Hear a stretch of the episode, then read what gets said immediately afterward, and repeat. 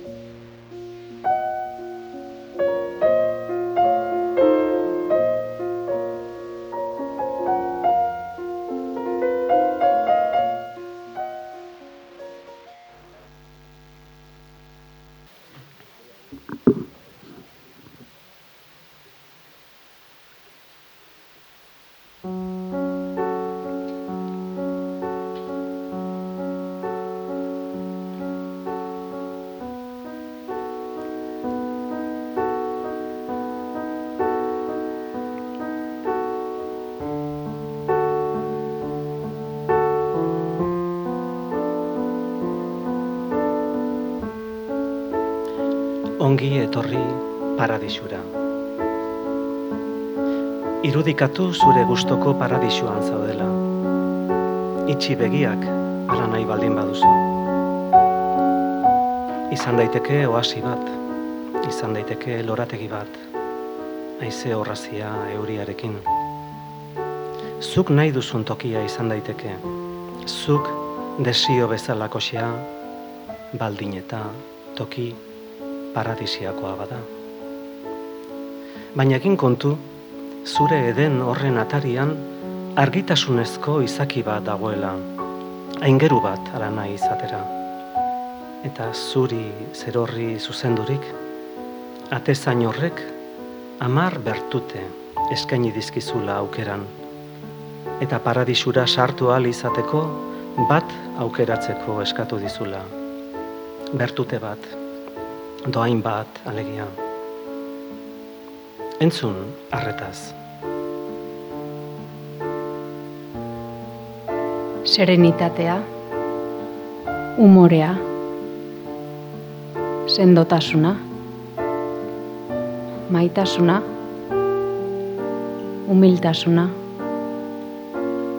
sakrifizioa, moderazioa, sormena, malgutasuna eta sentsualitatea. Bertute hoietako bat aukeratu. Eta gogoratu zure hitzaren lehen letra. Aurreneko letra horixe izango baituzu paradisura sartzeko giltza eta gako. Entzun berriro eta zure bertutearen lehen letra gogoan hartu.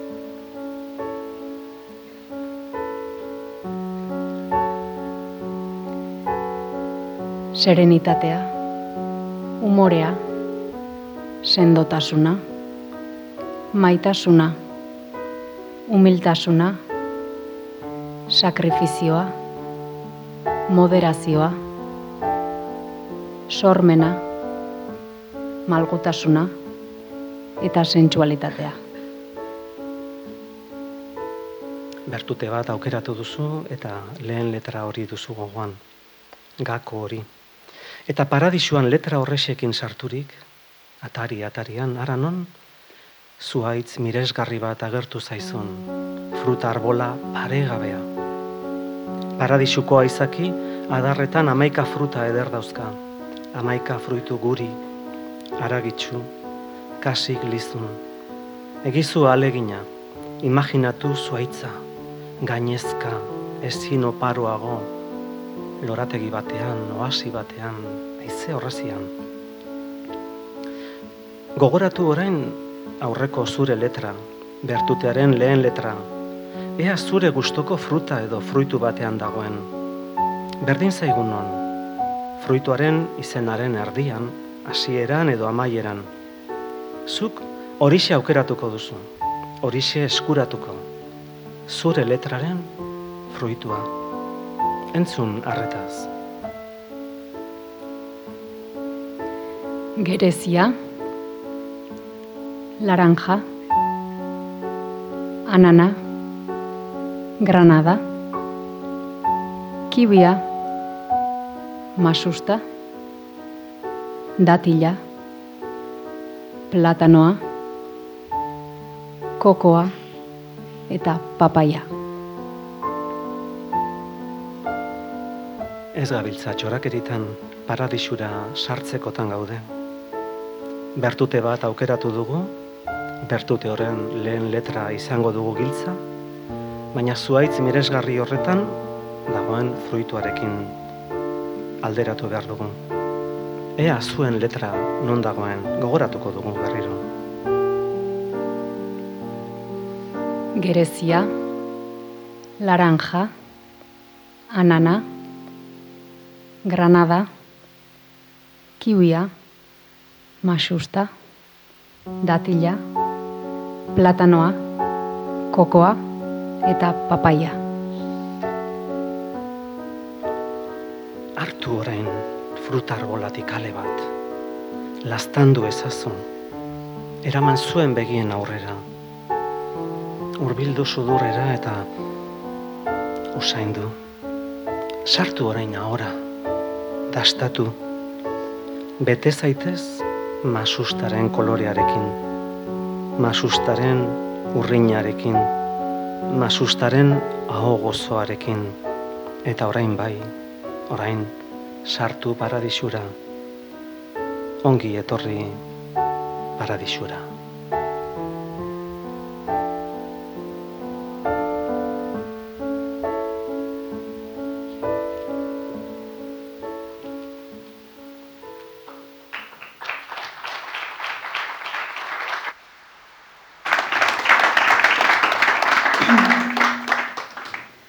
Arratsaldeon, ongi etorri e, literatumeko saio honetara.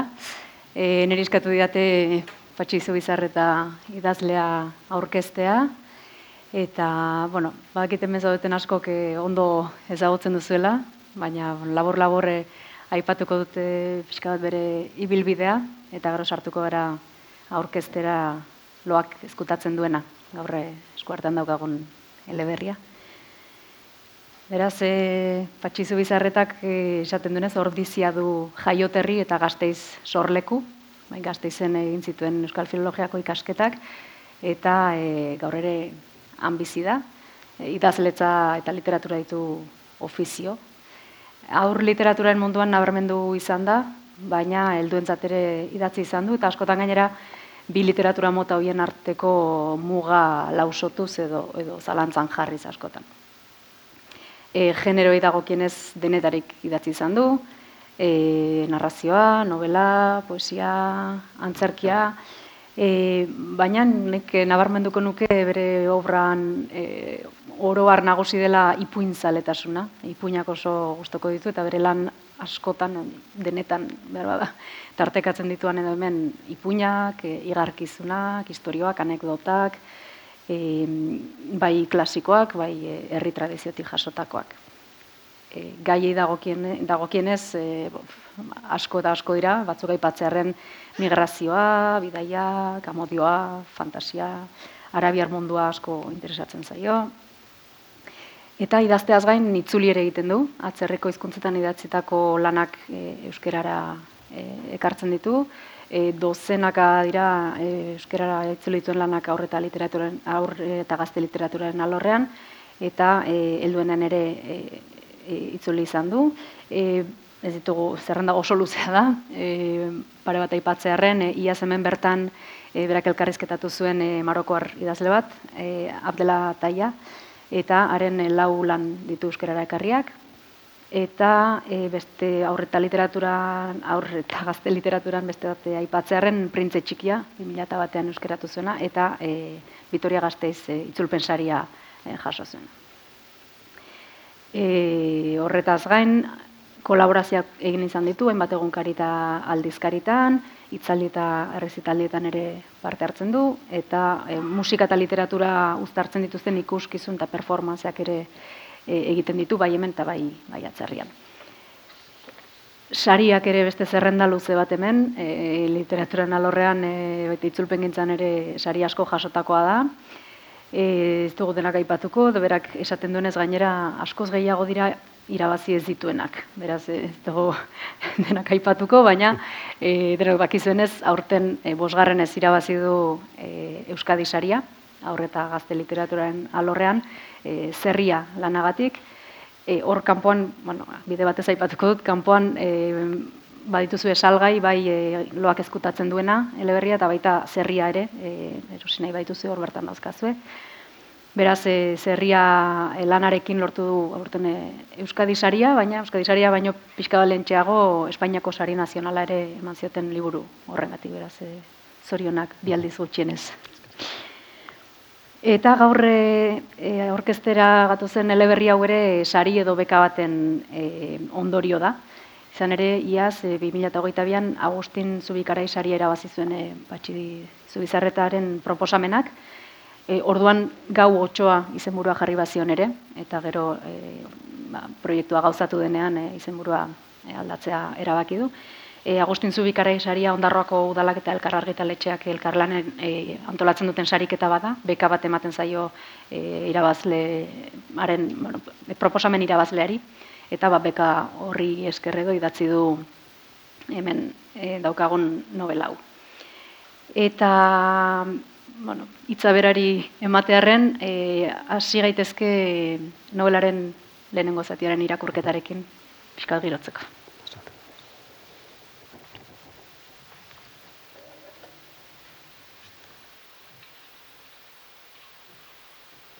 Gaur eguraldi ezin hobea egiten du horrela hasteko novela.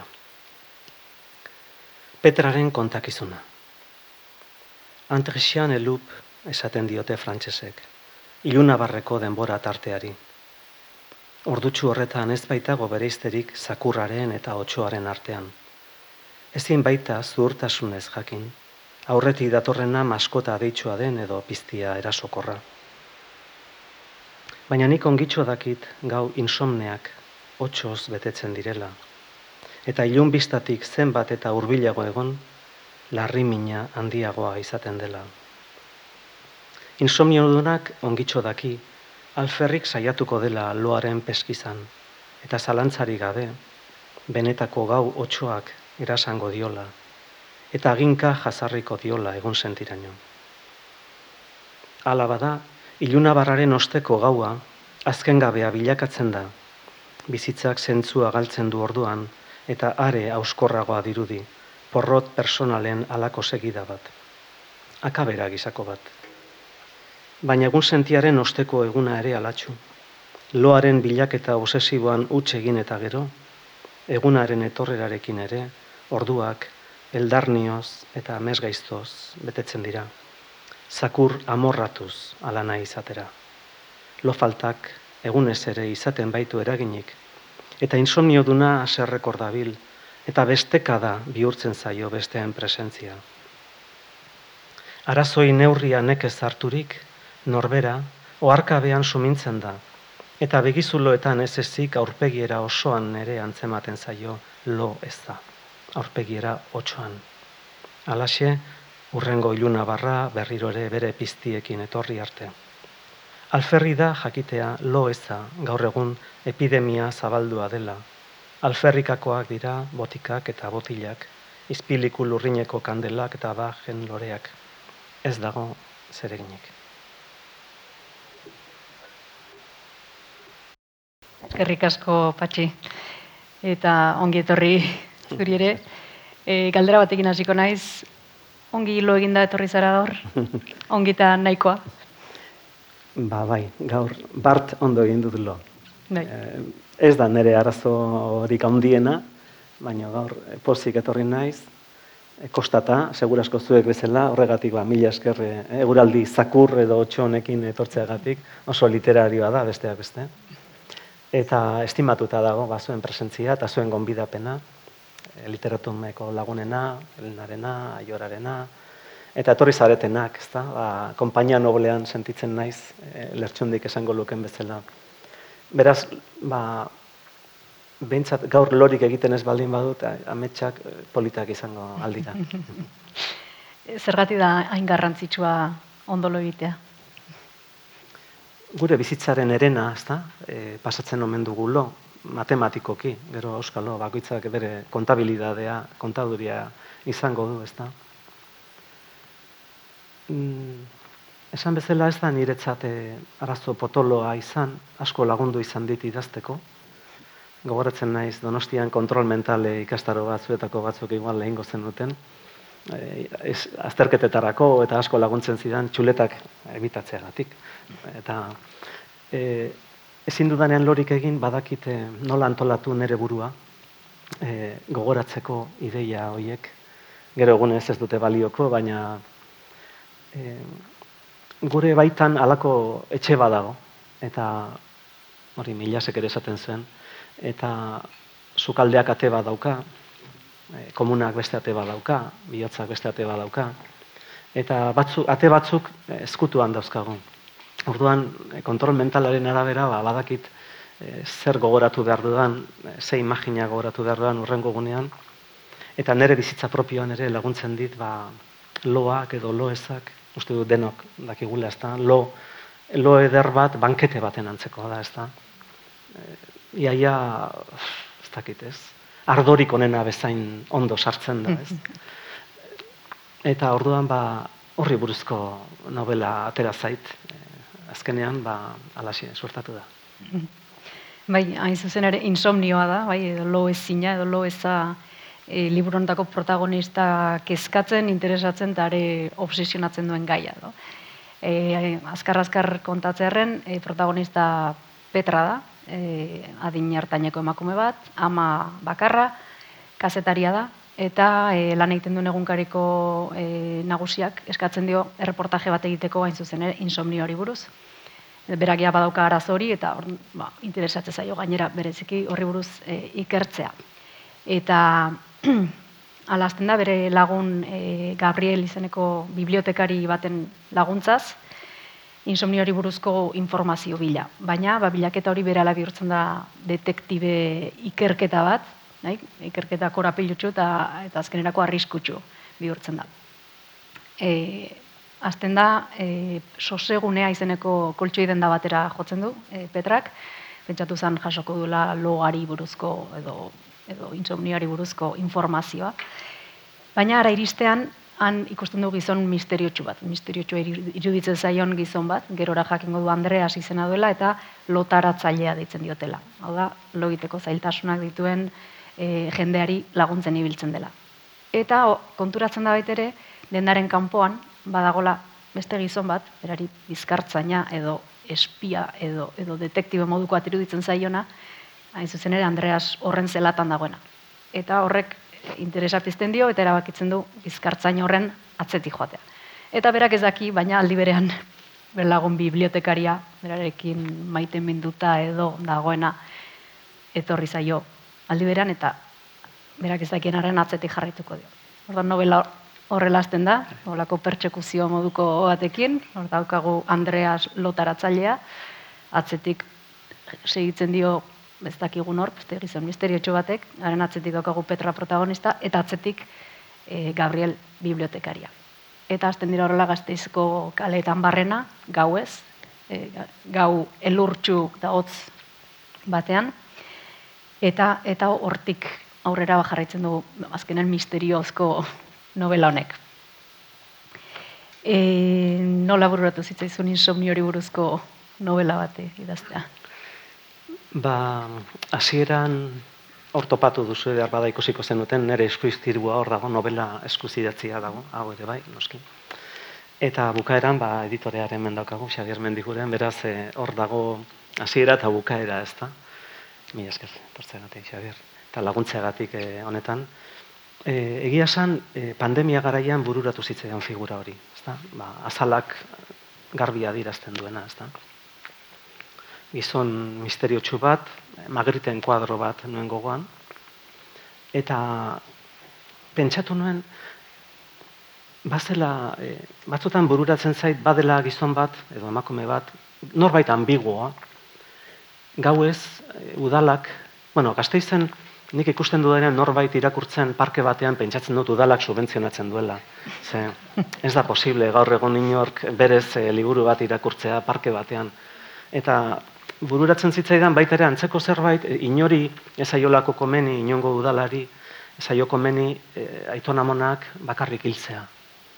Orduan bada norbait e, usaimenaren bitartez e, usain morbido hori, kiratz morbido horren bitartez antzematen duena norbait hildela etxe batean eta abandonatuta dagoela astea joan, astea etorri.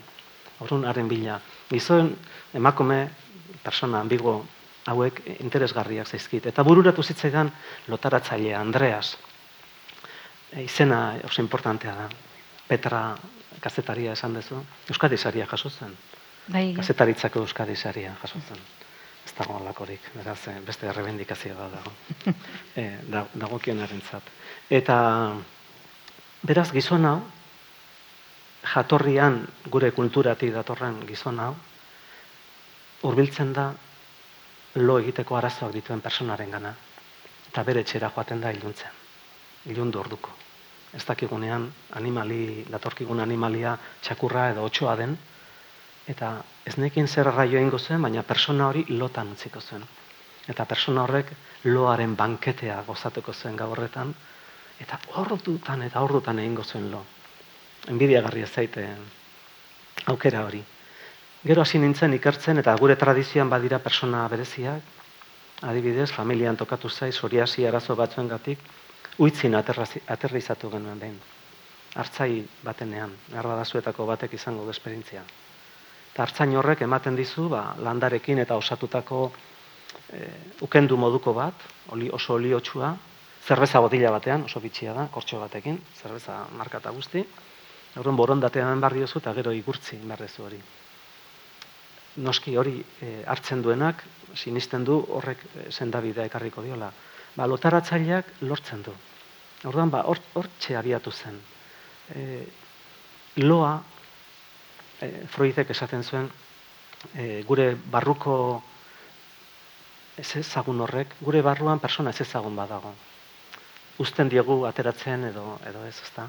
Eta orduan gaixotasunen bitartez esplizitatzen du bere barrua, somatizatzen du eta metzen bitartez. Eh, beraz, horrekin guztiarekin lotzen da. Eta gero, ba, urrutira joan gabe, gipuzkoan, ba, pei kontatzen du bere memoriotan, hobeto esan bere alabak, ba, nola e, salutadore bat izaten zen, herrian, salutadore izateko izan behar zen, zazpi zenidetan, zazpi, zazpi garren anaia, denak gizonezkoak izan behar ziren. Eta gizon horrek doaiak zeuzkan, gaixotasunak sendatzeko, batez ere txakurra morratuaren e, ozkadak e, sendatzeko. Olioa eta mingainean zeukan gurutzaren forma, talaxe sinisten zuten. Orduan, badago e, gaur egungo egoera diburuz e, gogoeta bat, eta badago alako e, erentzia e, omenaldi bat, ez da? Eta misterio novela bat denarren, badago gaur egungo gizarteri zaion alako kritika bat ere, neko nabarmena. E, zer da loa gaur egun et nola zaintzen da, edo zaintzen alda nahikoa, eta nola erabiltzen da, edo erabiltzen dute batzuek. negozioa da, ezta? Loa. Kontxoi dendetan eta begiratzea baino ez dago, ezta? E, Japonian adibidez, ba, emakumentzat gizonaren besoaren formako burukoak saltzen dituzte. Emakumeak goxotasuna babesa sentitu dezan. Gizonentzat berriz emakumearen magalaren gonarekin kuleroan erpina ikusten dana, hor jartzen du burua gizonak. Ez dakit, eh, amaren gana itzultze moduko baden, ez dakit, ez dakit. Negozioa da, batez ere farmazeutiken aldetik, ez da? Orduan, ba, hor ere badago ikerketa bat, ba, ze, ze negozioa den, menpekotasunak, e, lo egiterik ez daukana, gero eta dosia handiagoa behar du, e, badago alako gogoeta bat. Baina hori guztia, umore esan dezun bezala, oso ondo esan dezun bezala, jora, e, ukitu, bueno, ez dakit, detektibesko, baina baita ere umore puntu batekin, ez? E, hori guztia, ba, batez ere Petrak du arazoa, ez da? Gabriel, Gabrielek ezin du lorik egin, eh, Petrarekin maite minuta dagoelako, hori da bere arazoa. Baina Petrak arazoa du, eta orduan e, askotan idazleak ere, ez du idazten kasualidadez gai bati buruz, ez da, idazten du, ba, benetan sartu nahi duelako bere barrena, ez? Ba, Mhm. Hortan. Eta hori lotaratzailearen figura hori neko misteriotsua do gertatzen da, ez? Berak uste bere ahotik ere ez dugu zerrentzuten, baizik eta beste, gero aipatuko dugu, baina beste pertsonaia batzuen e, deskribapenetatik jakiten dugu bere berri, baina bera daulako figura misteriotsua bat aurpegi ere ez diogu ikusten ia daula, Hori da. itzal moduko bat, ez? jora, irakurri dugun eh, hasierako zatia, ba, ongi etorri paradisura, izan zitekela lotaratzailearen teknika bat. E, alako xuxurla bat, ahots bat, mm, hipnotikoa? Eramaten zaituena lotara, ezta? Zure barruko ondekin, ezta? Ba, bateratzen zaituena. Bai, ez da, ez dakigu argi eta garbi nola lortzen duen, baina jende hor aipatzen dituen paziente guztiak bintzat e, lortzen dute gau bat pasa ondoren lotaratzailearekin gau oso bat lo egitea eta handik aurrera ere ondo lo egiten jarraitzea. Ez dakigu zehazki ze gertatzen den. Ez da ez dago sexu edo erotismorik. Badakigu bereiekin bereien ohean beren ondoan etzaten dela eta zerbait xuxurlatzen diela. E, baina hortek aurrera ez dakigu zehazki ze teknika erabiltzen dituen. Bai, e, hor nasten dala ere, e, nik giltzen ez pixka gogoz gehiago jakiteko lotaratzaileari buruz. Momenturen batean kontatzen da zerbait bere iraganari buruz, eta nasten da pixka bat e, hori on, lagundu naia eta beste mafia batekin gurutzatzen dira hor kontu batzuk, ez da? E, e, baina oso misteriotxo iritu zaite pertsonaia hori. Bai, e, behar bada pelikula badagoelako azpian, ez da? Ez dakite, nola, liburuan aipatzen dut, nire memoria disko gogorra oso betea daukat, baina e, Tosar Luis Tosar zen e, edifizio bateko zaintzailea, eta neska bat bizitzera joan zenean, txoratu intzanarekin, eta gauero, neska lokartzen zenerako ja bera ohe azpian egoten zen. Orrun, haren hotxak, haren mugimenduak entzuten zituen, eta gaua pasatzen zuen neskaren ohe azpian. Oso irudi potentea da. Jane Fonda eta Robert Redford ere pelikula batean elkartu ziren, biak ziren alargunak, eta Jane Fonda alako batean joan zaio Robert Redfordi esatera, zazpi urte alargundu eta gero, ezu eta lo egingo bagenu elkarrekin, badakit ezin dugula besterik egin. Baina elkarri konpainia eskeniko bagenio, oso polita iruditzen zait, ezta? Esango nuke gaur egun, ba, e, konpainia hori bilatzen dugula animaliekin, ezta? E, txakurrekin bereziki parketan, parkeak ere ematen digul aukera ez dakit jendea ezagutzeko, ligatzeko, e, ez dakit ez. Orduan, gauaren mundu hori da interesatzen zaidana, behar bada literaturaren hitzak hoie dira, ez? Gustavo Martin Garzok esaten zuen, bizitzan bi eratako hitzak daude, gauekoak eta egunekoak. Egunekoak dira goizeko gobernuarenak, edo gazakoak, edo Ukrainiakoak, edo olioaren prezioarenak. Baina gauekoak dira gure barruko arrotz horrenak. E, orduan, nik uste hor, hor daukagula gure e, misteriorik handiena, detektibe novelarik handiena gure barruan daukagu. E, ez, oraindik ere zabaldu ez ditugun ate horiek e, zabaltzeko alegin horretan. Horregatik ekarri dut e, figuratxo hau, aiorak ere ez daki. figuratxo hau orain dela urte mordoska ekarri nuen e, Italiatik.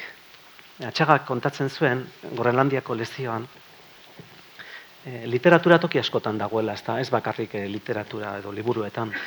Eta behin Napolin, Italian, mutiko pobre-pobre bati eskatu ziotela eskolan, idazlan bat egiteko, eta beren bizitzako hiru personai historiko famatuenak aipatzeko.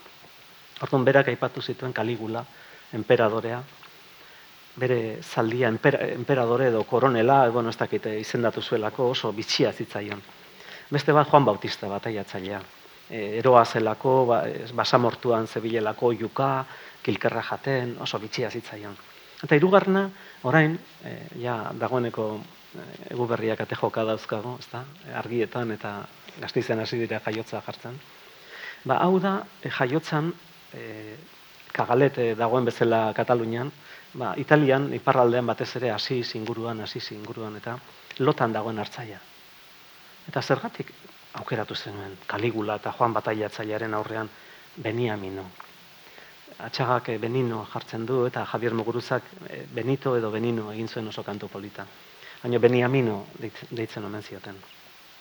Eta bai, hau, niretzat interesgarriena da, personai historikorik interesgarriena da, lotan dagoelako eta ez delako enteratzen munduan zer gertatzen da.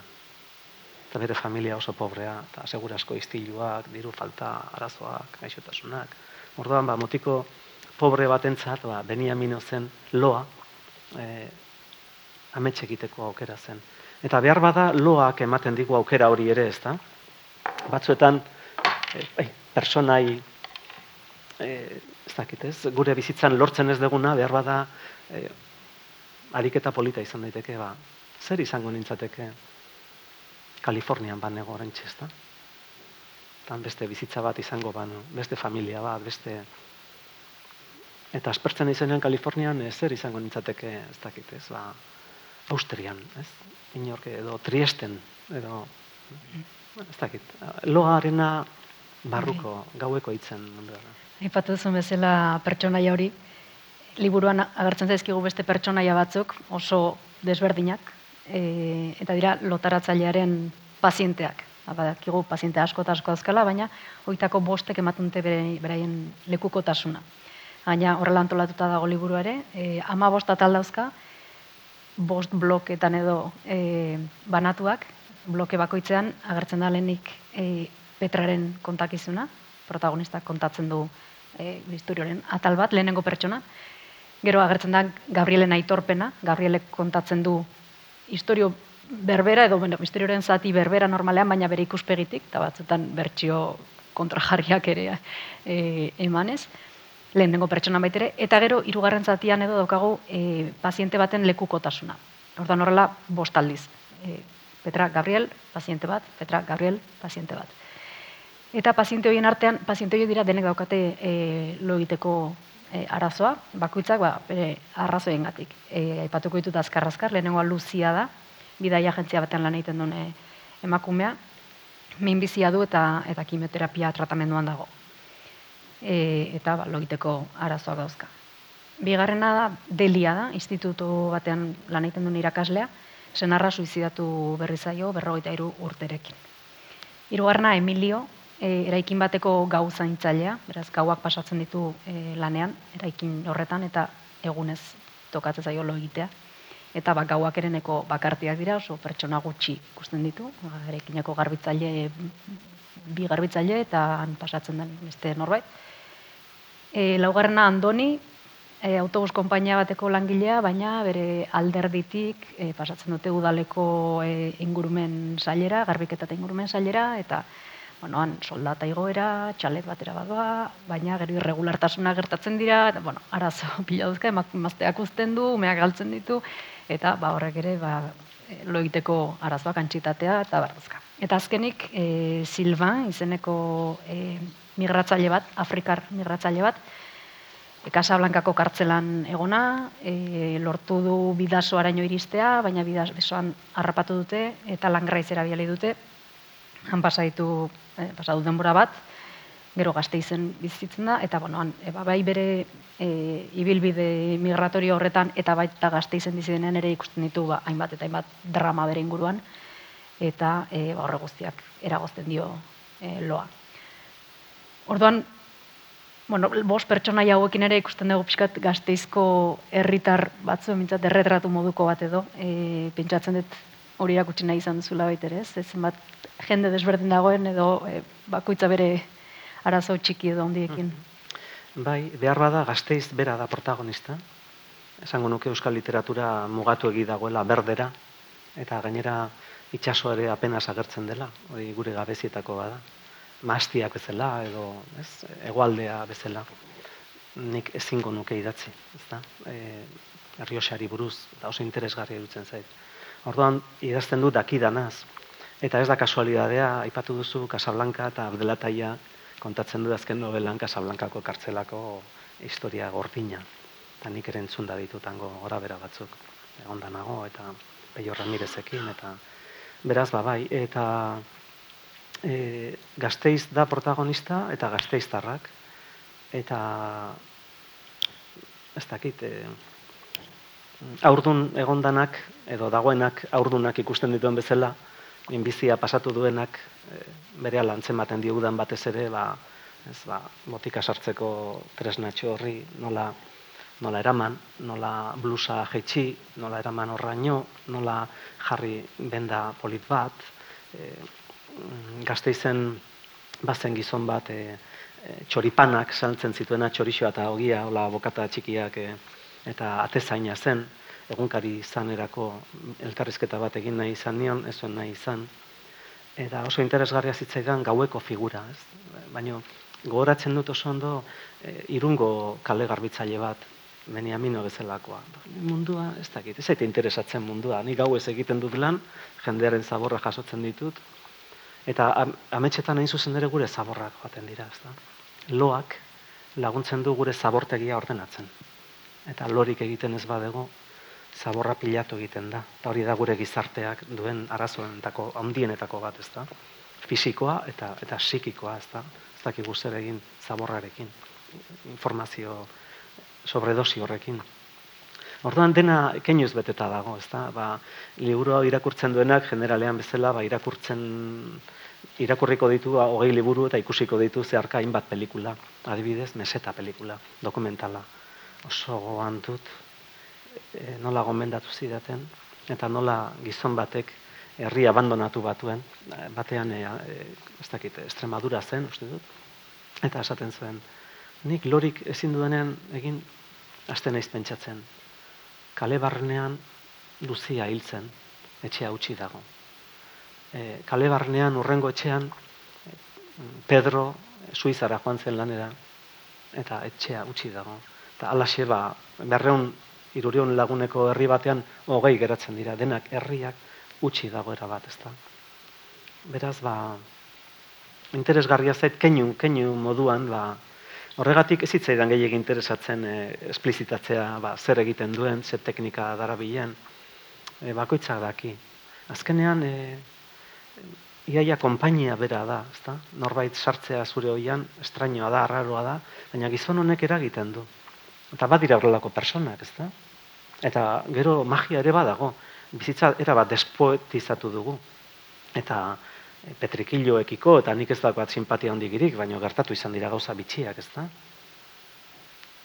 Zuk hau daukazu, eta halako egunetan gertatu zitzaizun. Nola dakizu? Ba, zure eskontza egunean, eroriko bat izan zenuen, eta horti datorkizu. Ba, alas, eh? Inori esangabeko kontuak. Bueno, orduan, ba, e, kritika, e, soziala kritika politikoa ere bai, eta autokritika pixka bat, ezta? Ba, eta era berean, babesa. E, literaturak eskaintzen duen argi txiki hori, babesa, babes minimo hori. Hmm. E, historiak okatu zu hortengo neguan, ezta? E, otxail martxo arte horretan uste. Eta gazteiz elurtu batean, bai, hasieratik ikusten dugu elurra lurra egin duela, gazteiz txuritua dagoela. Eta eleberriak amar bat eguneko tartea hartzen du. Baina niri deigarria egin lehenengo hiru eguneko osatzen duten alako gau pasa moduko bat, ez? Baina hemen ez inoiz loin behar hauek edo pasatzen dira hogeita labordu, pasatzen dira berroita zortzi, pasatzen dira iruroita amabi, eta hori ez dira lotara jon, eguna, gaua, eta jazteak izuzi ordu den ere. Oberatu dira, baina ez duten hori. Bai, zolako zurrumbilo moduko bat, ez? Gaina, e, gazteizko hotz eta elur giro gris horrekin, ba, eguna ere neko, neko ilunna da. Eta bai, ez dakit, e, bai, eta hori da irakurlea etengabe zur eta elur, gelditzen da, bain, eta berriro errepikatzen dune e, esan moldearekin. Ez dakit, lo, lo ezaren biktimek izan hori duten sentsazioa edo islatu nahi izan duzun horrela, ala, ala zergatik e, hotz eta elur giro hori, alako gau luze moduko hori. Bai, behitu, e, Gustavo Martin Garzo bado ipuin bat oso edar. Nik lotzen dudana babakoekin e, maistra bat joan zen herri txiki batera, ni konparatzen dute ez dakit, orbaizetarekin edo bueno, herri Pirinotako herri txiki batean. Eta alako batean, ba, eskolara gero eta ume gutxiago joaten zitzaizkion. Zer bat. Orduan, etxe batera joan zen eta ja irume, bi ume, bakarra, joaten zitzaionean eskolara, joan egin zen e, azken umearen etxera. Eta atea zabalik topatu zuen. Eta zurrunga moduko bat entzuten zuen, zurrumurru bat. Eta ganbarara igo, eta han ikusi zuen sabaitik zintzilik, hainbat zaku zeudela. Jendeak lo egiten zuen zakuetan bilduta. Ibernatu egiten zuten Pirinotako herri hortan. Orduan, e, bere historian, nik konparatu atxagarekin zen, nik e, imaginatzen dut analfabeto bat, egurgin bat, e, hartzai bat, nola baitere neska honi esan nahi diona, lo ingo dugu elkarrekin neguan, sartuko gara zaku berean biok. Baina neskak ez daki, bera irikoa da, bere eskema oso desberdina da. Eta hori da pixka bat neguak lehen zuen zentzua, ez da? Jose Arratibel, e, ataungo ipuin kontalaria, ezagutzeko zorte izan nuen, eraitonaren auzokoa zen ergonekoa. Eta kontatzen zuen bere haurtzaroan, e, salutadoraren garaian, ipuinak ze importanteak ziren, ezta? Ez zegoen argirik, orrun gaua beldurgarria zen, eta ipuinak laguntzen zieten ba, gaua eramangarriago egiten. Eta gero estibali zen e, egon zen praile, eta itzultzen zenean e, udan, oporretan, esaten zuen, gaur egungo umek ez dakite gaua zer dan, farolak daude, linterna dauzkate, telefono mobila pizten dute, ez dute beldurrik, ez dute horren beldurrik.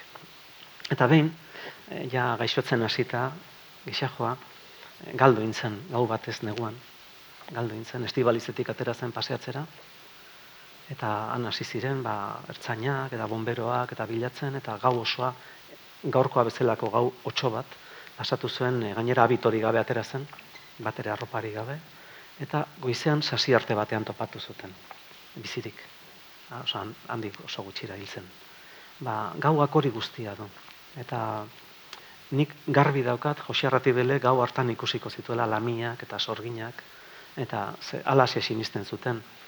Euskera berrikasten ibil nintzenean zumbilan, hango aitonak, atautsik, grabatzen izkion ipuinak eta ark ikusi zituen, segura asko mozkorraldi baten ondoan, eta donestebeko jaietan, edo bueltan etxera bidean, edo lamiak eta sorginak, Baina urrutira joan gabe, ba, aurkezpenean ere ekarri nuen, baina objektu txiki hau ere ekarri dut, ez da ikusgarria, baina e, gure familian behin hola berrira joan ginen, norbaitek amez gaiztoak izaten zitun, eta hango apaizaren gana joan da kutxuna ematen zizuten amuleto, ari batean bilduta.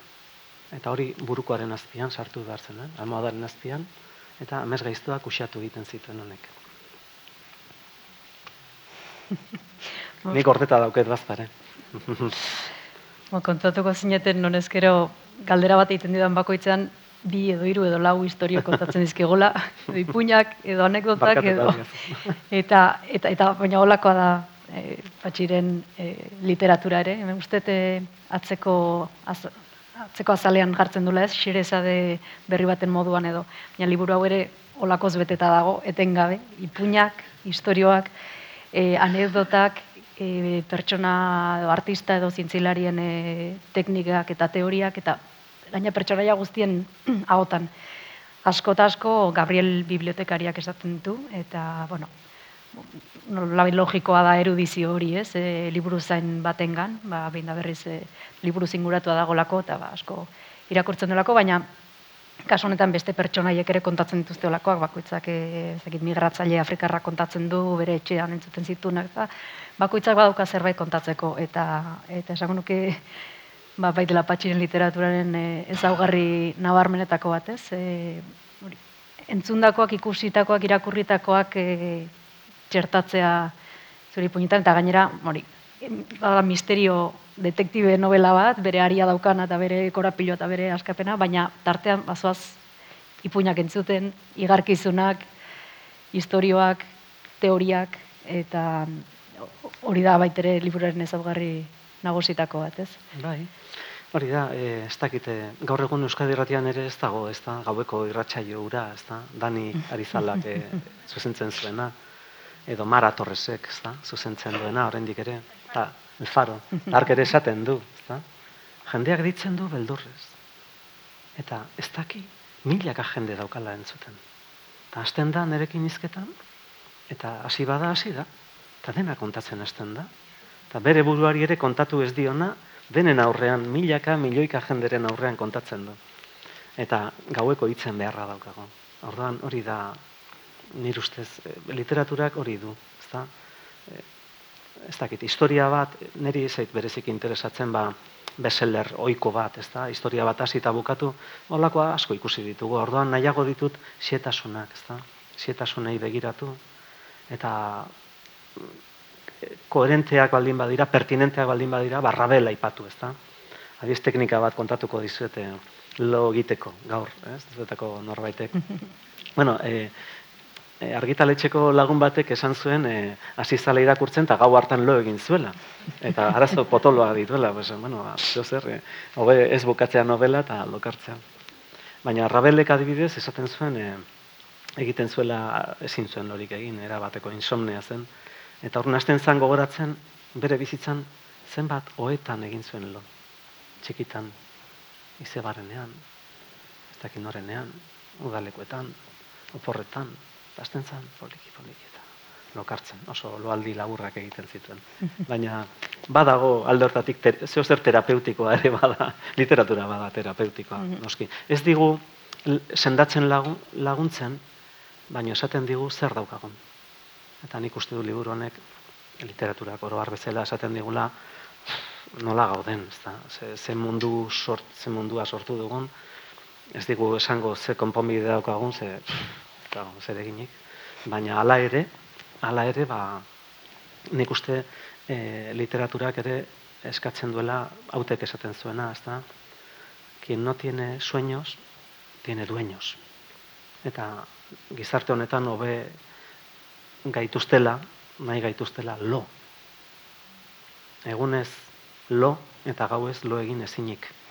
Lo gizarte pasibo bat, gizarte lokartu bat, e, eta nik uste hori dela zuzen ere, gure barruko ni hori, ez da, ametxen bitartez, gaixotasunen bitartez, baina lehen oinez etorri naiz, eta Sancho eta Sancho esaten zion, ez da, Kijoteri, ba, ez ere egin dugu, ba, ala ere justiziaren alde jarretu da dugu borrokatzen, ez da.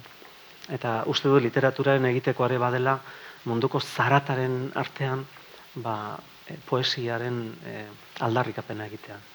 Munduko odolaren erditik ba, e, duintasuna e, topatzea, ezta.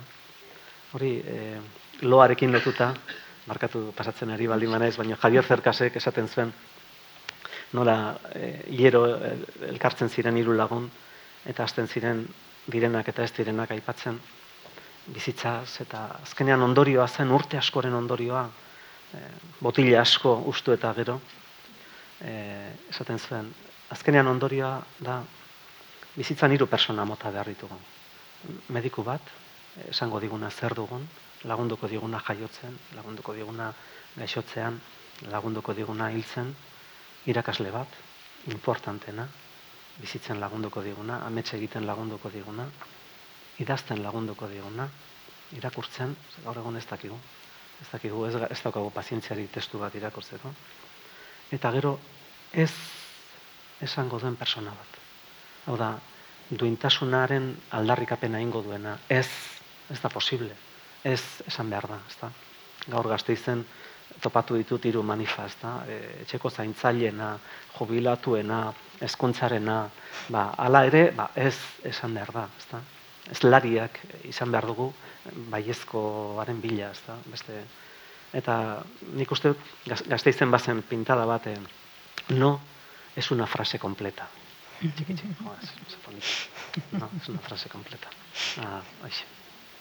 Bai, aipatuzu literaturaren eta poesiaren e, indarra berba da, ez? E, horrelako mundu batean aurrera jarraitzen laguntze diguna. Esango nuke barreak edo umoreak ere egikizun hori betetzen dela askotan, ez? Eta esango nuke novela honetan hori, ba, detektibe novela bat edo da, misterio novela bat, baina honi bitza irakurri dut, e, irriparrea espainetatik endu ezinik, ba, etengabe edo delako olako umore ukituak, e, bai, bai itzjokoen bidez, e, bueno, konturatuko zineten lehenengo irakurraldian bertan agertzen direla bat baino gehiago, ez da, e, e, hemen besteka da bihurtzen zaio beste presentzia, ipatu du, e, aurpegira osoan, edo aurpegira gotxoan, badira olako bat e, zur eta elur gelditzen zela, behin da berriz e, badira itzjokoak, eta baita e, pertsonaiek ere bere burua bere buruz hitz egiten denean, berein miseriak, berein frustrazioak ere agerian jartzen dituzte, eta askotan ridikulizatu ere, ez, e, berein burua edo hitz egiten dena dago lehenengo pertsonan kontatuta, baina, baina bai, olako e, umore, umore ukitu bat ez. Bai, e, ez dakit, e, hori oso inkonstientea da. Baina egia da, e, jo, nire ustez literatura lotu izan dugula trascendentalitatearekin, ez da? Eta egia da, ba, oso barruko gauzeta ari gara, baina gure miseriak hor daude, ez da, egunerokotasunean. Ez dakit, e, niri asko gustatzen zaizkit kafetegiak, eta gaur ere ikusi dut aitona bat kamarerarekin ligatu nahian, e, jo, edo gero imaginatu dut, igual komunera joan naiz eta ikusi du lehen ez zegoen pintada bat, esan dut, zein egingo zuen, orduan aitona honek egingo zion igual kamarerari ez dakite, deklarazio bat. E, detaile txiki horiek, orduan umorea oso presente dago e, bizitzan begiratu nahi izan ezkero, ez da, Ze, drama presente dago, orduan dagoenean e, irribarre egiten digu. Baina ez naiz konstiente, e, ez dakit, zai, oso zaila zait horri entzutea. Beste, irakurtzea. Beste gauza bat bai kontziente ingo zenun, eta gogoa daukat galdetzeko. Bai. E, aur, aurkezpen egiten aipatu dut, e, itzultzen ere aritu izan dela, euskal literatura itzultzen. Eta ba, ni neu ere itzultzailea naiz, literatura e, itzultzen dut. Eta niri oso deigarriak egin zaizkit, e, lotaratzailearen hainbat pazienteren abizenak, Irelako euskal itzultzaile batzuen abizenak e, identifikatu ditudanak bintzat. Erro, López Gazeni, Markuleta, Biguri, eta, eta, eta besteren bat egongo da berroa eskapatu zaidana, baina e, irtze da gerikoa dela, nahi, nahi indako hori bai kontzienteki indako kenua dela. Bai, ez dakit, itzultzaileok bai. insomnio arazo ditugula esan da izen edo... Ez dakit, e, tertulia bat egiten dugulako, lehen afari bat egiten mai borobil batean, ondori hori gabe gaur egun bokadio bat hartzen dugu, eta gero ba, Mikel Gordangarinen tabernara joaten gara, gintonikak hartzera batzuk, eta nik e, hartari, ardo beltza. E, bitu, e, Hector Abazek esaten zuen, los escritores de su generación no se leen, se vigilan. Eta zuk esan diazu hori, eta nik liburua dena joparitu die, eta inork ez dit esan olakorik. Beraz, ez dute irakurri liburua. Zela bi. Horretarako zen ordua. Bai, bai, beraz, eh, keinu bat zen, baina ikusi dut, ez duela funtzionatzen. baina morearekin lotuta, eh, uste dut, igual, momentu egokia dela, eta guantxe hori ikarri diazu gora. Ez nekin, nola adiraz ez naiz ni bat ere txistosoa, eta gainera ez ditut gogoratzen. Gaina txiste, zera ba, zaparra da dago, ez da, batez ere guaxap taldetan, eta Baina kontatuko dudana, ustez, e, leyenda urbana ez baldin bada, polita da kontatzeko. Nunbait, e, bikote batek etxea lortu zuen eta jantzi zuen, eta orduan beste bikote bat gonbidatu zuen. Eta bikote gonbidatuak etzekin zer oparitu eta lanpara batzuk erosi zizkieten e, mesanotxetan jartzeko. Eh? Hitzak, ez da, mesanotxea. Iparraldean badakizue, hitz, idazlea hitzen bila dabil, ez da, hitzen bila, nola esaten duen honek, bestea, zer esan duen. Iparraldean donapaleo inguruan deitzen diote mesa de noche, mesa notxea, gau maia. Honi? Deitzen diote talanita, table nuit, table nuit. E, frantsesez, frantsesetik eh, oso polita da, talanita, mesa notxea. Bueno, ba, orrun, oparitu zizketen bilan para, polit, eta jo, bikotea oso eskartuta, etxekoak, eta alaxe, ba, urteak pasatu ziren. Eta berriro gonbidatu zituzten, gonbidatuak berriro etxera.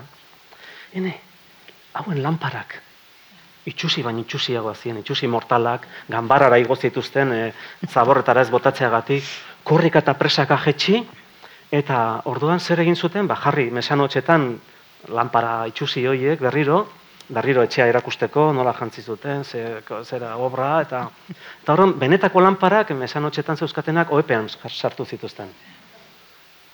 Eta ezien akordatu, entxufeak aldatzeaz piztu zituztenean oso pozi gaude zuen lanparekin oso pozi gaude eta piztu zuten argia eta argia oepetik zabaltzen zen. Ze haien lanparak ez ziren pizten. Orduan konturatu ziren, ba, ben hori da pixka gure gizartea. Horregatik badago alako kritika bat, ba, gure hipokrisia eta bueno, baina humorez hartu beharko dugu. Saiatu. Ondo, ondo. Eh, ikusten da sortziak iritsi direla. Zabalduko nuke, bai. publikoari zabalduko nuke aukera galderaren bat egiteko. E, ez dela hemen ikuste zu errez jarraitzen dugu lagok kontu kontari, baina berba da inorke parte hartu nahi du. Bai, eskerrik asko teknikari ere, hasierri eta konpainiari, eta eskatu digute marinari eta e, alba dezue galderarik egin nahi izan ezkero mikroa erabiltzeko. Bestela ez baita gero jasotzen e, e, grabazioan. Kaixo, Arratsaldeon. Eh, bueno, ni ezagutzen nauzu liburu zaina naiz eta horregatikan dator e, galdera hau. Petra esan dezue protagonista dela, baina nik esango nuke Gabriel ere protagonista dela e, historioan, ez? Hasieran e, astuna xamar ematen du, baina gero maitagarria da. E, ikusi dute, iruitzen zait, liburua irakurrita, mm, ba, badaukazula liburutegikiko eta liburuzainekiko como, ez, e, igartzen da maitasun bat, edo. Eta nahi nizun galdetu zure egunerokoan ea liburutegiak e, ba, badaukan presentzia, ero zeizan dira liburutegiak, zen uste dut hitz egin genunean azkenen gualdian, aipatu zenidan, nere tokia liburutegian gazte izen. Orduan, pixkatorren inguruan uh mhm. -huh. kontatu gozu. Oso mi esker. Ba bai, bai, e, lehen Sancho el Sabiora joaten nintzen, e, izan zen e, esklabista bat, ez zulueta, e, eta palazio handi badauka, senda ibilbidean, gaur egun, ez dakit, udaletxeko bulegoak eto dira. Orduan hori eraman zutenean, e, zerara, e, gamarrara, oso toki polita dago, baina urruti, oso urruti. Eta horren ba, Inazio aldekoa liburu tegira jaten naiz aspaldian. Handago bera, e, Carmen Gartin, Martin Gaite bezala, ba, egiten diote ere zera, burua makurtzen dut eta inspirazioa eskatzen diot, oso maite dudalako. Eta han batez ere konplizeak, ni batez ere konplizeak ikusten ditute. Ba, hilda, ez dakit, idazle bat eta han daude bere liburuak. Euskadi sariak dira eta han daude bere liburuak. E, pandemia dator eta eskutuka geratzen ginen parkean, e, liburuen kontrabandoan egiteko. Jo, zero berik ez da. E, jo, ez dakite, gogoratzen dute hori da, Espainiako saria jaso eta gero, urrengo gunean nengoen, goizeko behatzitan, ez ninduten espero. Bazpare lore sorta bat zuten ere mailan normalean gustatzen zaiz, handik zikoinak ikusten ditut, katedral berriko zikoinak, oso imagin polita da. Eskandinaviatik etorri diren zikoinak, Eta bai, bibliotekak beti, ba, bai, Madrilen guain ez naiz goratzen, baina mm, bueno, oso oso martxosoan ez naiz goratzen nola ban, e, ezkerreko auzo batean eta monasterio batean zabaldu zuten jakingo duzu segurasko ez naiz goratzen orain ere disko gogorra. Baina adibidez, aurten e, Islandian egon gara, eta orain justu e, zera sumendi baten lerketa espero duten inguruan, lehenago ere izan zen, Ander Izagirrere irakurri nion, leherketa baten ondoren, e, ikusi genituen glaziarrak, ikusi genituen e, termak, ikusi genituen toki miresgarriak, baina biblioteka bat ikusi nahi duen. Ze biblioteka hortan, e, lurrikara horren ondoren, e, hanka bat daukazu, Ipar Ameriketako plaka kontinentalean, eta beste Europan. Beraz, txandaka ibili zaitezke. E, mil, milesima batean e, saltoka. Eta azkenean, ba, ba hor deskubritu ditut, ba, nire bizitzako aspaldiko obrarik onenak, ba, Santiago Beruete adibidez, e, jardinosofia, berdologia, gero eta gehiagoen saiakera, mm, aur literaturako, ez dakit ez, ba, bibliotekariak, jo, ez dakit, ze ilusioa duten, ez da, Uste dut, literatura, hori, Nueva Yorkeko liburu zainak esaten zuen, ez da? E, bibliotekak, esaten zuen, las bibliotecas son edificios constipados, ez da? Eta haike mostrar la cultura con alegría, ez da? Uste dut, hori topatzen dudalanik, ez? Baina ez dakigu, askotan ilusio guztiarekin antolatzen dute zerbait, eta oso jende gutxi joaten da, edo, orduan, ba, bueno, hori da gurea, kulturak hori du, ez da? Ez da realaren partidu bat, ez da, ez da Sevillako jaialdi, ez da, esari kantu lehiak eta hori, ez, beste zerbait apalagoa da. Hor ni batez ere oso eskartuta nago eta konplizidadea ikusten dut. E, karabana berean goazela esango nuke, itzuntzaileak, e, idazleak, azetariak, telebistako e, lagunak, artefaktukoak, e, eta horrela egiten dugu aurrera, bestela, ez dakit, eta gero irakurleak, ez da, ba, ez dakit, bain, dela ez dakizun bat ba, lagun bat agertu zaite lazkaon naizpiden egondakoa, ez da? E, marga, ez da? Eta ez dakit, bitxia da, ez? Ba, bizitzan zehar, ba, ze komplizidadeak e, akilkatzen diren, ez da? Beraz, ba, bintzat ametxetan uzten dugu arrasto bat, ez da? Eta biblioteka, bai, niretzat oso importantea da. Parentesi artean oso penagarria da eskoletako bibliotekak desagertzea. Eskoletan ere, gogoratzen naiz Valentzian gensana izeneko ikastetxe batean egon nintzela, gela bakoitza zuen bere biloteka. Eta ez zegoen adinik. Antzeuden liburuak.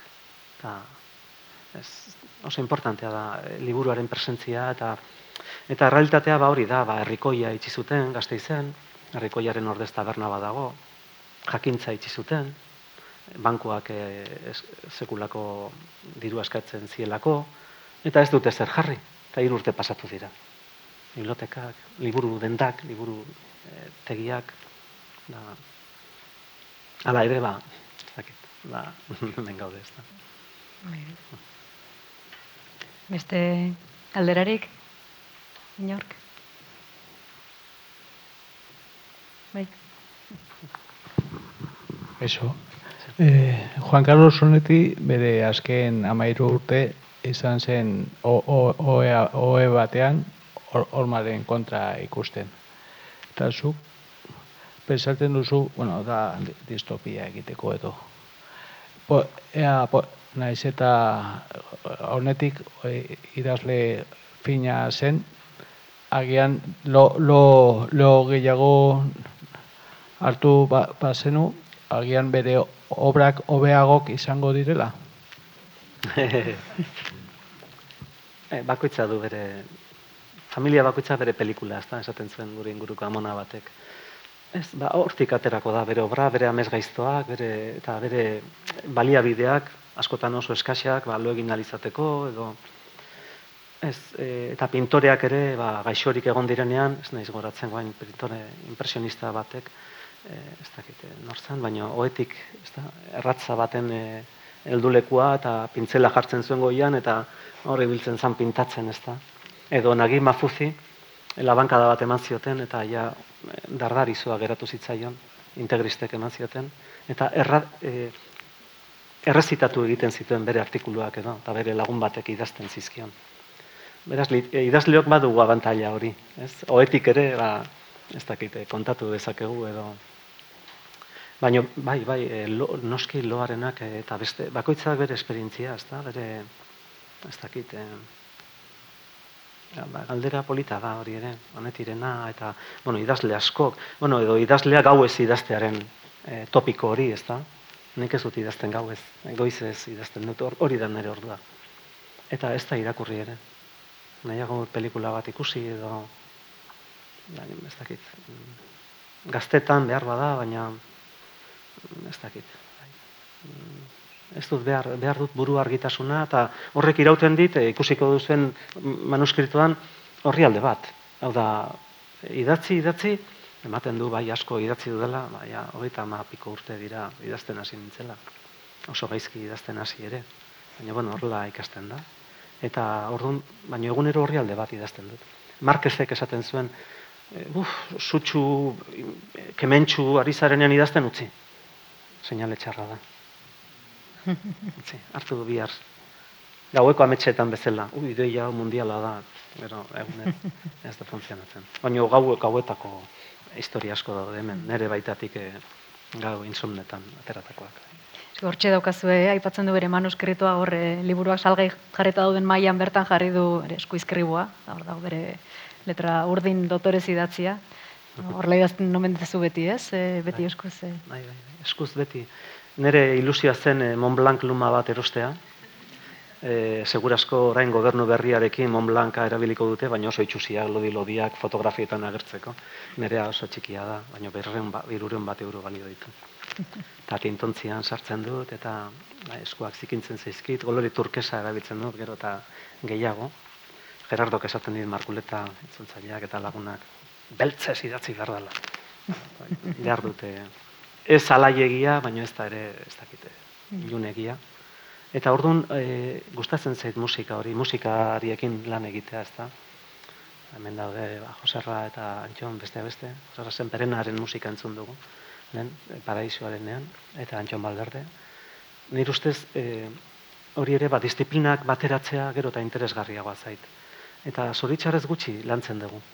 E, liburua oraindik ere liburu egi egiten dugu. Eta ondo daude horlako saioak, baina ondo daude ba, bestelakoak, e, ez dakit, ez? Entzuteko, ez? Entzuteko ahots hori e, e, ez dakit, gaueko irratsaioetan bezala, ez? Norbaitek e, historia bat kontatzea eta e, hasi dira, ez da? Badago proiektu bat Euskal Liburuak e, e, zera audio liburu bihurtzeko, baina kanpoan Inglaterrara joaten zarenean audio liburuen atal ikaragarria dago, Madame Bovary entzuten dute eh, lanera bidean, ez da, atal desberdinetan, hori oso interesgarria da. Literatura ahots bat. Horregatik gustatzen zait partitura, niretzat eh, eskuizkribua ikusten duzunean niretzat partitura bada. E, musika duen ahots, ahoz gora irakurtzeko moduko, bueno, hori bilatzen dut behintzat. E, hemen liburu imprimatuan e, beste bitxikeria bada paragrafoen hasierako lerroak, ez dakit ikusten den hortik, baina normalean koxka bat barrurago hasten ditugun arren, ba, patxirenak koxka bat kanporago hasten dira denak, bai? Eta ez dakite Bai.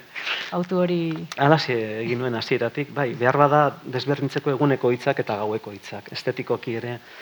Batez ere hor apurtu nuen, hor malarmek ere esaten zuen, e, liburua ez da ulertu behar bi horri alde balira bezala, liburuak ezker eskuin egiten du, ez da, segida bada. Baina hori imprentatan eta arazoa izan daiteke, zenbait paragrafotan, eta eta joan novelan egin nuen e, aleginik e, handiena, Mikel Soto editorearekin bere garaian, eta hor ausartu nintzen, e, Miguel Delibesek Los Santos Inocentesen baditu horrelako esperimentuak, eta ez naiz saramago zalea, hau da, dena saldi bera, ez da? E, nik arnasa behar dut. E, saramago zalea naiz, baino ez bere estetika horren aldekoa. Orduan nahiago dut jolastu eta e, bitxikeri bada, ekutixi bat. Ez du... Baina bai, badu niretzat, eh? E, sakoneko zerbait, zerbait desberdina da. Irakurtzen ari zarena, idazten ari naizena. beste galdera bat. Gabon, bat ez, bi, Bai. egingo dizkiot patxiri gaur, bat. Ez zait argi geratu insomnia zaren ala ez, gero esango diazu. Eta bi, justu, aipatu dituzu ikuskizunak, ardistekin lan egitea gustatzen zaizula, eta hori, hori dena, nik eh, horretaz gozatu izan dudalako galdetu nahi dizut hau.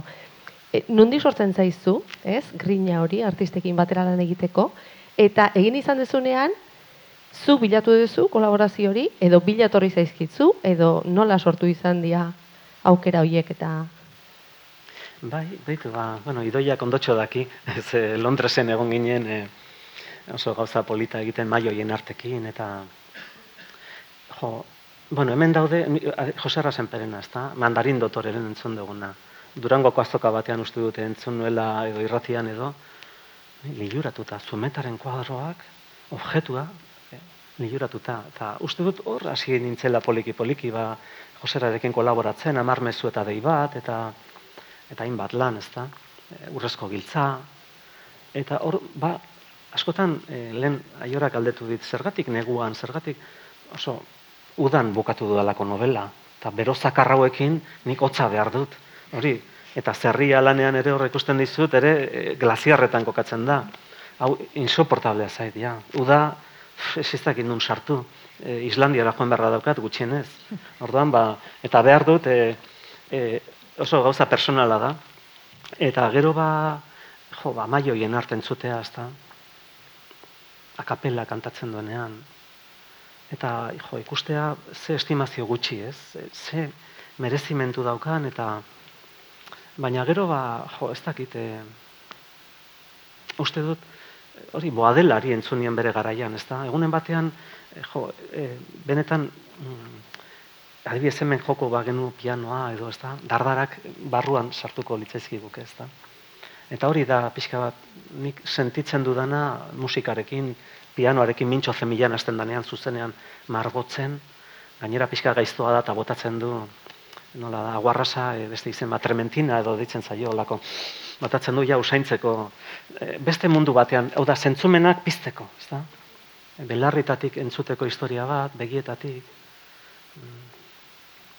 Uste dut, e, hori ere oso interesatua dela, oso egoista dela nire partetik. E, egile moduan, ala, so, irakurle moduan, ala bizi dudalako. Eta espero dut jarraitzea. Tiket baitekin eta komplikatzen da bizitza. eta ze fakturak eta hau beste. Eta orduan ba, zenbait jenderekin ez dago fakturarik. Ezin da, ezin da lan egin. Dena oso, ez dakit ez, hotza da, ez, oso kafkianoa da gizarte hau, ez. Horreko batean udal batean egon nintzen, eta faktura lortu dut tiket bai, baina hori ere sartu behar diet beraien sistema elektronikoaren bitartez, eta erraztu beharrean, e, pixka bat, jo, ez dakit. Baina, hala ere, uste du ja, lehengo lepotik burua jarrituko du dela, beraz, idoia elkartuko gara horrendik, Bolonian edo Londresen edo horrendik ere. Bai, jo, Boloniakoa ere oso, oso polita izan zen, eta bai, bai, askotan, ba, e, baldintzak ez dira egokienak, baina ilusioa bai, ez da, eta orduan, ba, ez dakit. Elkar, elkar e, animatzea da kontua, ez da. E, hemen gaudenok liburu zainak, e, kazetariak, eta eta askotan baita ere relatibizatzea, ez da. Naiz eta ba, obrarik ederna sortu, ba, zer gara, ba, ez da. Zer, zer ez, ez gara beste inor baino gehiago. E, Ez dakit, nire ustez hori oso importantea da. Eta eskoletara joatea, irakasleekin, maisu maistrekin hori oso importantea da. Gaur egon guk ikasten genuenean, e, ez dakit, ez goierrin, behasaingo lasaien, ba, idazleak, niretzat bintzat, e, ez dakit, idealizatuak ziren, baina gaur egun bertan daude, ez? Eta kultura izatea eguneroko kontu bat, ba, hori uste dut polita dela, ezinbestekoa dela. Eta, ez dakit, nor, norberak jo izatea zerbait, zerbait idatzi izatea, gutun bat idaztea, ez da, norbaiti, zure buruari, ez, gutun bat, jo, gogoratzen naiz, ez, zurekin, ja, zure buruari idatzi, gutun bat, ez. Ez dakit. Ez dakit Beste- galdera, ah, insomnia ote zean Ah, bai, baitere. e, ez, ez dut uste berezirik e, daukadanik, insomnio berezirik. Ba, ez, gero eta gutxiago egiten dut, baina ez, ez dut uste. Ez, e, baino, bai, baino inguruan daukate, jo, ez, Bai. ez dakit, zuek ere izango duzu eta inguruan dago, erabat, pandemia Berria. dago, eta bai, berria dago, eta bai, bai. Orduan, ba, nire ustez hori ere ba, kritikatu behar da. Negozioa bihurtzen delako, ez da. Bai, oso oso inguruan daukat eh, arazo potoloa bai. Besterik? Niri kuriositatea gelditu zait, hasieran irakurri duzun e, zaki lotaratzeko teknika horretan edo nola asmatu duzun masusta pentsatu dutela. Ah, bai, eh, pentsatzen dut denoi aterako zitzaizuela masusta, ez da? Ah, bai, ez dugu aipatu. Bueno, ba hori, eh, bueno, itortuko dizuet gaur eh, hemen daukagula lagun bat, malen, aspaldian eh, egon gabe, eta nik ezagutu nuen amaran, amara berrin, eta ainara zer berri liburua irakurritan neukan, eta berak marrazki bat i- eh, egin zidan. Baina malenek irakurri zuen barraile alfabetoan eh, liburua. Eta marrazki bat egin zidan. Eta marrazki hori eramaten dut eh, eskola askotara, eta berako daki. Eta gaur, bera hemen egotea ba, oso pozgarria da. E, gonbidatu nuen, eta ba, zaila izango da, baina iritsi da. Eta galdera zein zen, nora ninduen? Masusta. Bai, masustana, bai. Eta orduan, ba, e, gogoratzen naiz, irratian sartu nintzela, e, itxuentzat magia egiten duen e, mago txiletar batekin. Eta hori egin zuen. Gero podcast batean lortu nuen, ze tunel batean sartu nintzen, gazteizteik ona etortzeko autopistaz, ez dago koberturarik, Radio Maria entzuteko ez baldin bada. Eta, e, akabo, e, bukatu zitzaidan e, magia, trukoa, tr eta orduan gero lortu nuen, eta erderaz egiten zuen noski, eta nik moldatu nuen, eta norberak ikusi dezake, berrogeita mar izeneko liburuan dago, e, joku hori, e, ikusi dezakezu edo, e, hau da, zuk nahi duzun fruitua lortu dezakezu. Baina oso sensuala iruditzen zait gainera. Ze, usainak, e, zuk imaginatu zuaiz bat, ezta? E, pikua, adibidez, ezta? E, Francisco Javier Irazoki, poeta, lesakarra, Parisen bizi da. Los hombres intermitentes idatzi zuen. Eta kontatzen zuen, bere naia hil egin zela jaiotzerakoan.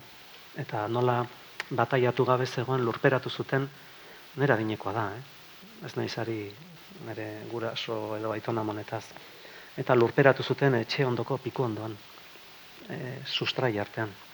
Ez dakit, zapata kutsa batean, edo nik asmatzen dudan, baina umea, umekia han lurperatu zuten. Orduan bera igotzen zen e, udazkenero e, piku ondora, um, gaztetan, umetan, eta pikua alea hartu, eta nola zuritzen zuen, nola kentzen zion azala. Eta zati bakoitza ate bat zen, bera nahiaren barruan sartzeko. Eta gero jaten hasten zen. Eta batez ere pipitak kraskatzerakoan sentitzen zituen anaiak lurraren azpitik bidaltzen zizkion hitzak. Jo, ni- nik uste dut hori dela e, memoria ariketa bat eta berak bere garaian ez zuen lotuko sensualidadearekin, baina nire ustez oso gauza sensuala da, oso gauza afektiboa da. Zure nahiaren hitzak, zuaitzaren izarriaren bitartez, piku batean gauzatzea, ezta? Mezu WhatsApp bat baliz bezala, baina WhatsApp eh, benetako mezu bat, ezta? Ai, beraz horti dator. Bai. Irratiko, irratia niretzat oso importantea da. Oso, oso. Mm, bai, e, bueno, ba, ipatu behar dugu, ez da, ba, Euskadi Irratia eta Arantxa Iturbe eta ez da, nekane Peñagarikano eta hainbat lan, ez da, eta ez dakit milaz, ez da, jo, milaz ere, mundiala iruditzen zait, eh, aldiro, aldiro, mm, literatur programak, baina literatura ez dago bakarrik eh, literaturan, literatur liburuetan, orduan, adi, adi egotea da gure lana. Piku ondoarena zerrian ere Zerrian. aipatzen da, ezta? Bai, bai, bai, bai, herria. Bai, zerriarenean, bai, badago poesiarik, oso historia gogorra da, baina badago, bai, Hori ere gaz, gazte literatura, baina helduena izan liteke berdin berdin, eh? bai, bai, bai, bai. Ez dago mugarik, eh, Tom Sawyer eta Pinotxo eta ez, ez zeuden gazte literaturan sailkatuta. Gaur egun ba, bildumaka doa kontua, adinka doa kontua. Pinotxo jasotzen zuten italiar eh, etorkinek Nueva Yorkeko portuan, ze aldizkari batean agertzen zen. Eta gainera, ja, nazkatuta zegonean kollodi, ja, hil egin zuen Pinotxo eta manifestazioak egin zituzten bere txepean berriro Pinotxo pizteko eta jo, zer zer gauza hoberik, ezta? Badaude personai miresgarriak, jo, ez dakit, ez? Eh, ez dakit, bueno, pipi bera, ezta, edo ez dakit, eh, mm, bai, ez, ustez ez, ez dago mugarik. Mm. Eta liburu hau bereziki zerria, ba, iaia, esan nahi dut, ba, konsideratu daiteke balduen literaturan edo bai. Gehiago da berba da, argitaletxeek eh, bildumaka edo... Bai, e, bai, aurrentzako kolorea, nerabentzako txuri beltza, gaztentzat jaz dago. Eta hau gaztentza da, marrazkiak dauzka, Antxon Balberderenak, e, barkatu Antxon e, Olariagarenak, oso, ez dakit, edarrak. Hortan, ba, bai, badakizue, inuitek e, otxoa harrapatzeko, elurretan sartzen dute labana, kutsilloa, heldulekua sartzen dute elurretan eta uzten dute ahoa, kanpoarantza. Eta e, koipea ematen diote, olioa edo grasa. Eta otxoa etortzen da, e, ura jatera, ze gozoa zaio, hasten da miazkatzen labanaren ahoa, zorrotz zorrotza, eta ez daki e, xurgatzen ari dan, txupatzen ari dan odola bere odola dela. Eta poliki poliki jaten ari dan mingaina bere aragia dela. Ba, hori da, nik uste, eh, gaizki esan da, ez da oso poetikoa, baina idazlearen lana, ez da? Sartu behar du labana, eta sartu behar du, nola ere, liburu hortan agertzen dana, e, gure barrua gero eta hotzago dago. E, baita ere bizi, bizi irauteko tresna bada, ez?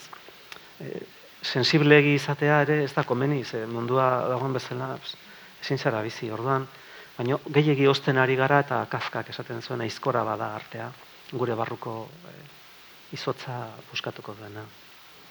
Beraz, ba, hor bizi gara, ez da? Ba, bi alde haien artean. Sondo, beste galderarik bada.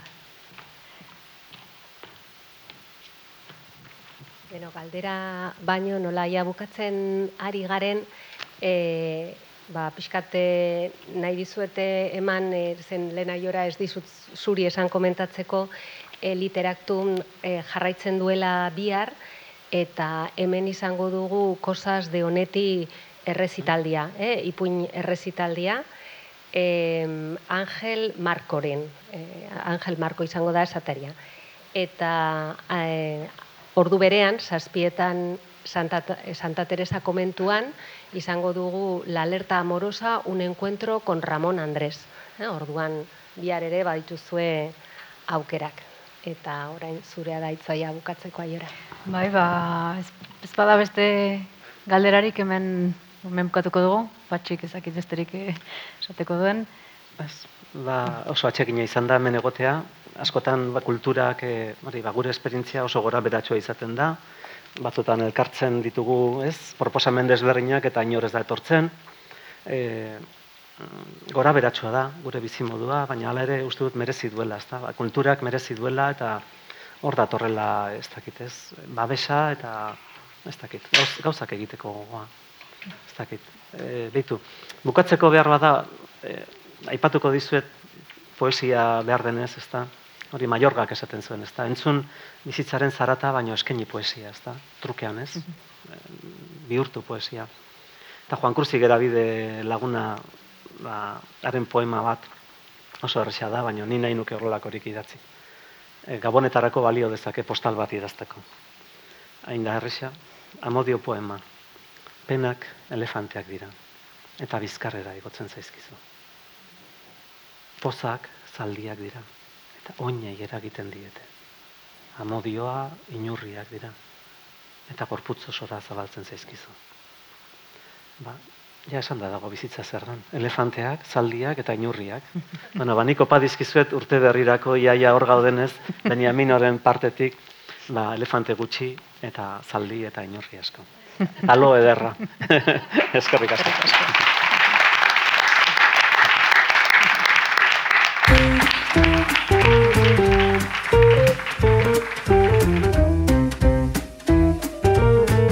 Donostia Kultura Irratiaren podcasta.